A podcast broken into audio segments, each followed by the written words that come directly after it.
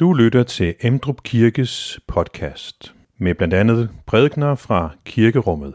Du kan læse mere om Emdrup Kirke på emdrupkirke.dk.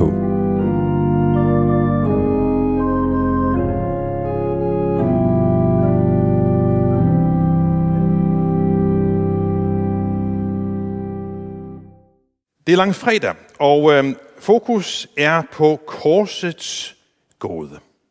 Jeg har hentet overskriften fra den velkendte påskesalme Hil dig frelser og forsoner, hvor sidste vers netop begynder med Ja, jeg tror på korsets gåde.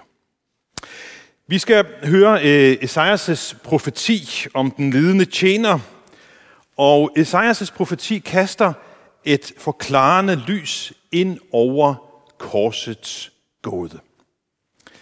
At det var vores sønder, han bar på korset, og at det var nødvendigt.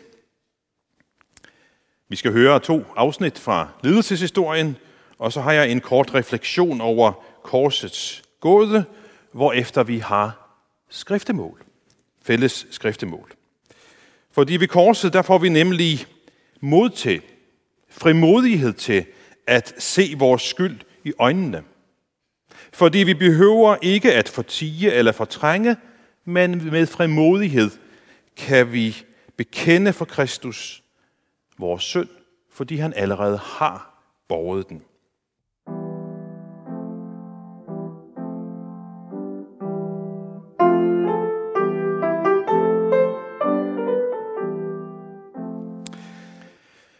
Herren, vær med jer. Lad os bede. Vi takker dig, Gud Fader, at du har givet os din enborne søn, Jesus Kristus, for at enhver, som tror på ham, ikke skal fortabes, men have evigt liv. Vi takker dig, Jesus Kristus, at du på dit hellige lægeme har båret alle vores synder, og med dit blod udslettet alle vores overtrædelser. Vi takker dig, du gode Helligånd, at du har givet os den tro i vores hjerter, at vi intet andet ved til salighed, end den korsfæstede Jesus Kristus. Giv os, Gud, din nåde, at vi af hjertet tror, at alle vores sønder er os for Jesu Kristi skyld og lidelse og døds skyld forladt. Og oplys os ved din helligånd, så vi daglig ved Jesu døds kraft afstår fra synd og aldrig slipper Jesus af vores hjerter, før vi ser ham klarligt i det evige liv, hvor han med dig og Helligånden lever og regerer fra evighed og til evighed. Amen. Og nu skal vi høre Esajas. Denne hellige lektie skriver profeten Esajas. Hvem troede på det, vi hørte? For hvem blev Herrens arm åbenbaret? Han skød op foran Herren som en spire, som et rodskud af den tørre jord. Hans skikkelse havde ingen skønhed. Vi så ham, men vi brød os ikke om synet. Foragtet og opgivet af mennesker, en lidelsernes mand, kendt med sygdom, en man skjuler ansigtet for, foragtet. Vi regnede ham ikke for noget. Men det var vores sygdomme, han tog. Det var vores lidelser, han bar. Og vi regnede ham for en, der var ramt, slået og plaget af Gud. Men han blev gennemboret for vores overtrædelser og knust for vores synder. Han blev straffet for, at vi kunne få fred. Ved hans sorg blev vi helbredt. Vi flakkede alle om som får. Vi vendte os hver sin vej. Men Herren lod al vores skyld ramme ham. Han blev plaget og mishandlet, men han åbnede ikke sin mund. Som et lam, der føres til slagtning, som et får, der er stumt, mens det klippes, åbnede han ikke sin mund. Fra fængsel og dom blev han taget bort. Hvem tænkte på hans slægt, da han blev reddet bort fra de levendes land? For mit folks synd blev han ramt. Man gav ham grav blandt forbrydere og gravplads blandt de rige, skønt han ikke havde øvet uret. Der fandtes ikke svig i hans mund. Lad os bekende vor kristne tro. Vi forsager djævelen og alle hans gerninger og alt hans væsen. Vi tror på Gud Fader, den almægtige, himlens og jordens skaber. Vi tror på Jesus Kristus, hans enborne søn, vor Herre, som er undfanget ved Helligånden, født af Jomfru Maria, pint under Pontius Pilatus, korsfæstet, død og begravet, nedfaret til dødsriget, på tredje dag opstanden fra de døde, opfaret til himmels, siddende ved Gud Faders, den almægtiges højre hånd, hvorfra han skal komme at dømme levende og døde. Vi tror på Helligånden, den hellige almindelige kirke, de hellige samfund, søndernes forladelse, kødets opstandelse og det evige liv. Amen.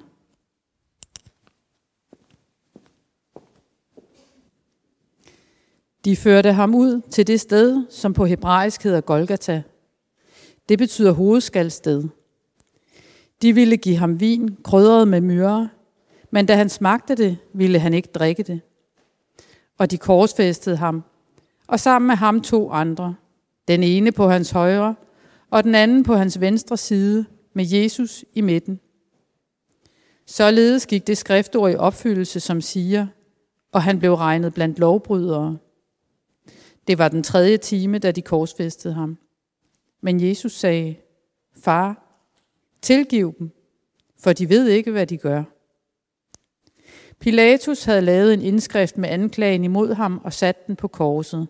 Den lød, Jesus fra Nazareth, jødernes konge. Den indskrift læste mange af jøderne, for stedet, hvor Jesus blev korsfæstet, lå nær ved byen, og den var skrevet på hebraisk, latin og græsk. Jødernes ypperste præster sagde nu til Pilatus, skriv ikke jødernes konge, men han sagde, jeg er jødernes konge. Pilatus svarede, hvad jeg skrev, det skrev jeg. Da soldaterne havde korsfæstet Jesus, tog de hans klæder og delte dem i fire dele, en til hver soldat. Også kjortlen tog de, men den var uden sammensyninger, et vævet stykke fra øverst til nederst. Derfor sagde de til hinanden, lad os ikke rive den i stykker, men trække lod om, hvem der skal have den. For sådan skulle det skriftord gå i opfyldelse. De delte mine klæder mellem sig, de kastede lod om min klædning. Så satte de sig der og holdt vagt over ham. Det gjorde soldaterne altså. Og folket stod og så på.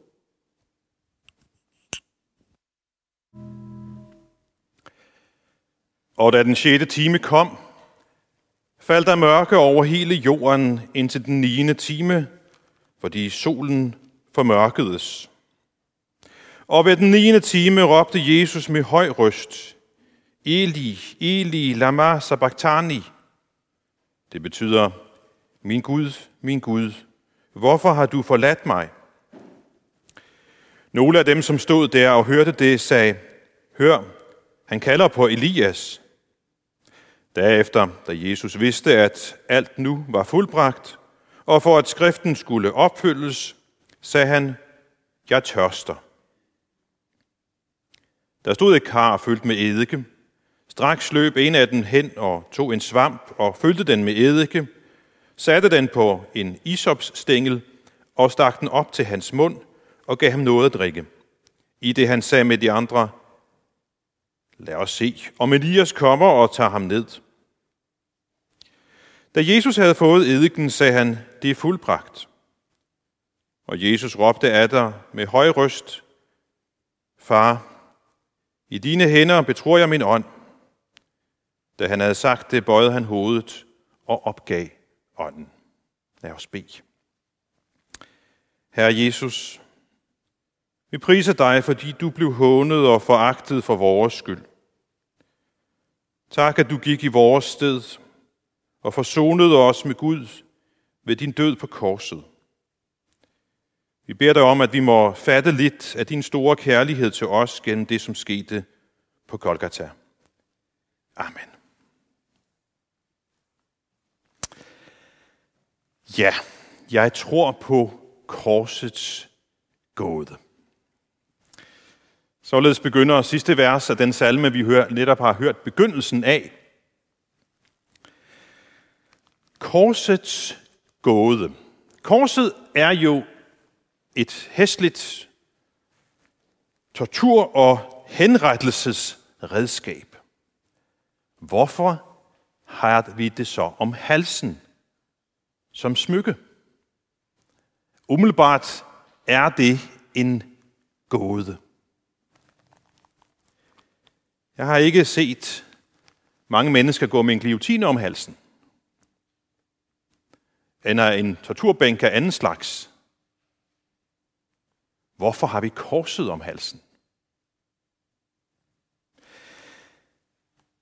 Det hjælper profeten Esajas os lidt til at forstå. Han hjælper os til at forstå lidt mere af korsets gåde. Han giver os ord for det helt afgørende, som, som skete på korset, hvad det betyder for os, at han døde for vores sønder der, men at døden ikke var afslutningen på Guds plan. Så Esajas hjælper os til at fatte lidt mere af gåden på korset. Og samtidig så kan man sige, at Jesu død på korset kaster et forklarende lys tilbage på Esajas, hvordan Esajas skal forstås. For det må have været en gåde at læse den tekst før Jesu død og opstandelse.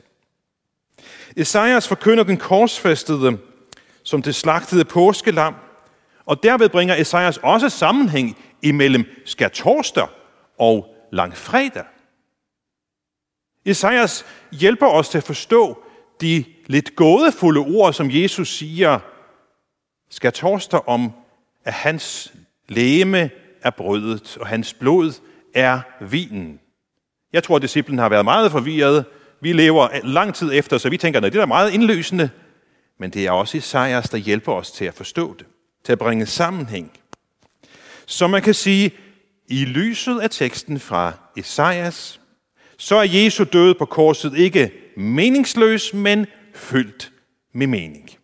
I lyset af Esajas, så er Jesu død ikke en tilfældig henrettelse, men den centrale del af Guds frelsesplan. Og i lyset af Esajas forstår vi lidt mere af korsets gåde. For betydningen af Jesu død på korset er jo helt centralt i kristendommen. Det er jo kristendommens omdrejningspunkt, netop korset. Det er det, der i sådan det hele står og, og falder med, at han gik i døden for vores skyld.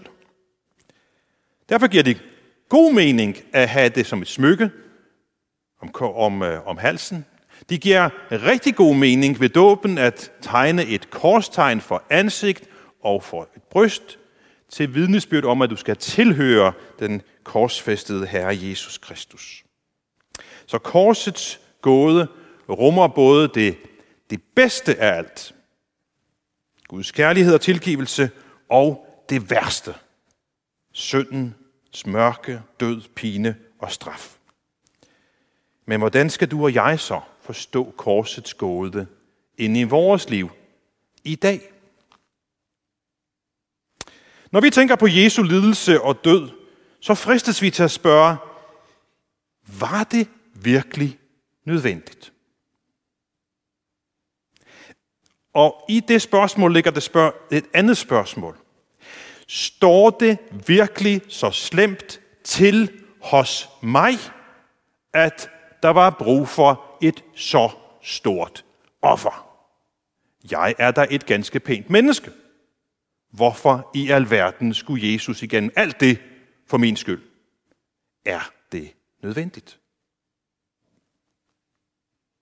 Og her er vi inde ved korsets gåde. Men vi er også inde ved noget, som er vanskeligt for os at forstå, eller måske vanskeligt for os at acceptere. Vi bryder os jo ikke om at tale om vores skyld og skam. Vi kan godt måske indrømme nogle forkerte ord og handlinger, men hvis vi skal være helt ærlige, så tænker vi vel også, at ah, så galt er det nu heller ikke med mig. At det var nødvendigt med al den smerte, al den lidelse. Men korsets gåde er netop, at så galt er det med dig, og så galt er det hos mig.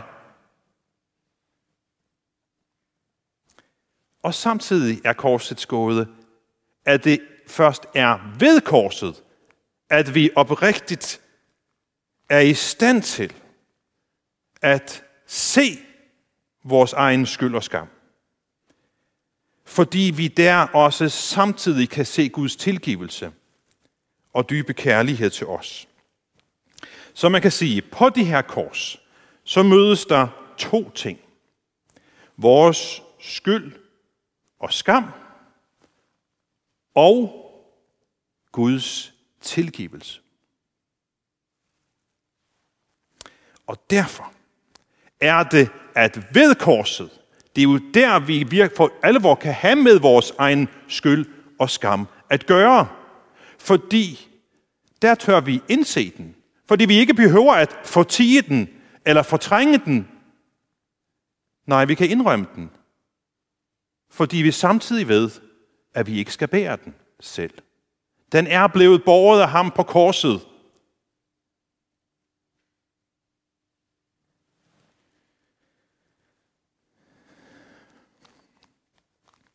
Så korsets gåde er, at det var virkelig nødvendigt for vores skyld.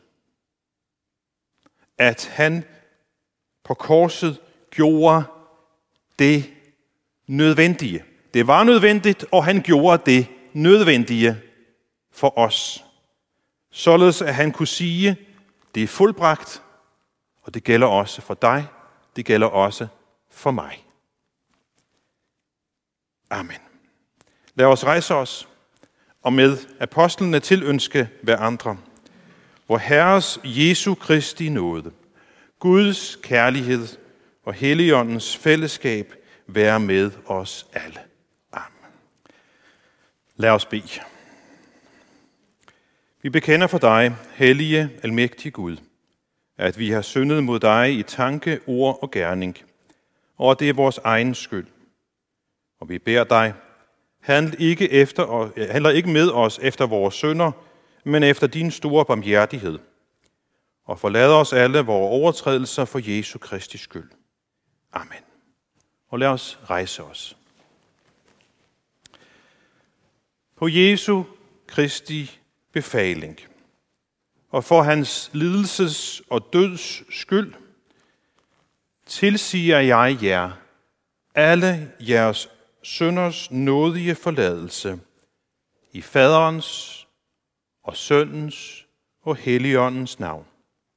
Han, som har begyndt sin gode gerning i jer, han vil fuldføre den indtil Jesu Kristi dag. Fred være med jer. Amen.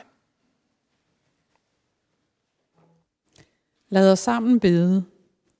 Vor far, du som er i himlene, helliget blive dit navn, komme dit rige. Ske din vilje, som i himlen, således også på jorden. Giv os i dag vor daglige brød, og forlad os vores skyld, som også vi forlader vores skyldnere og led os ikke ind i fristelse, men fri os fra det onde. For dit er riget, og magten og æren i evighed. Amen. Lad os nu rejse os og modtage Herrens velsignelse. Herren velsigne dig og bevare dig.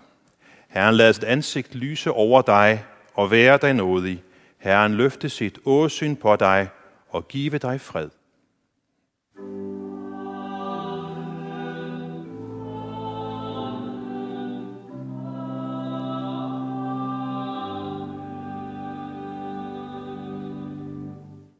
Find flere podcast og læs mere på emdrupkirke.dk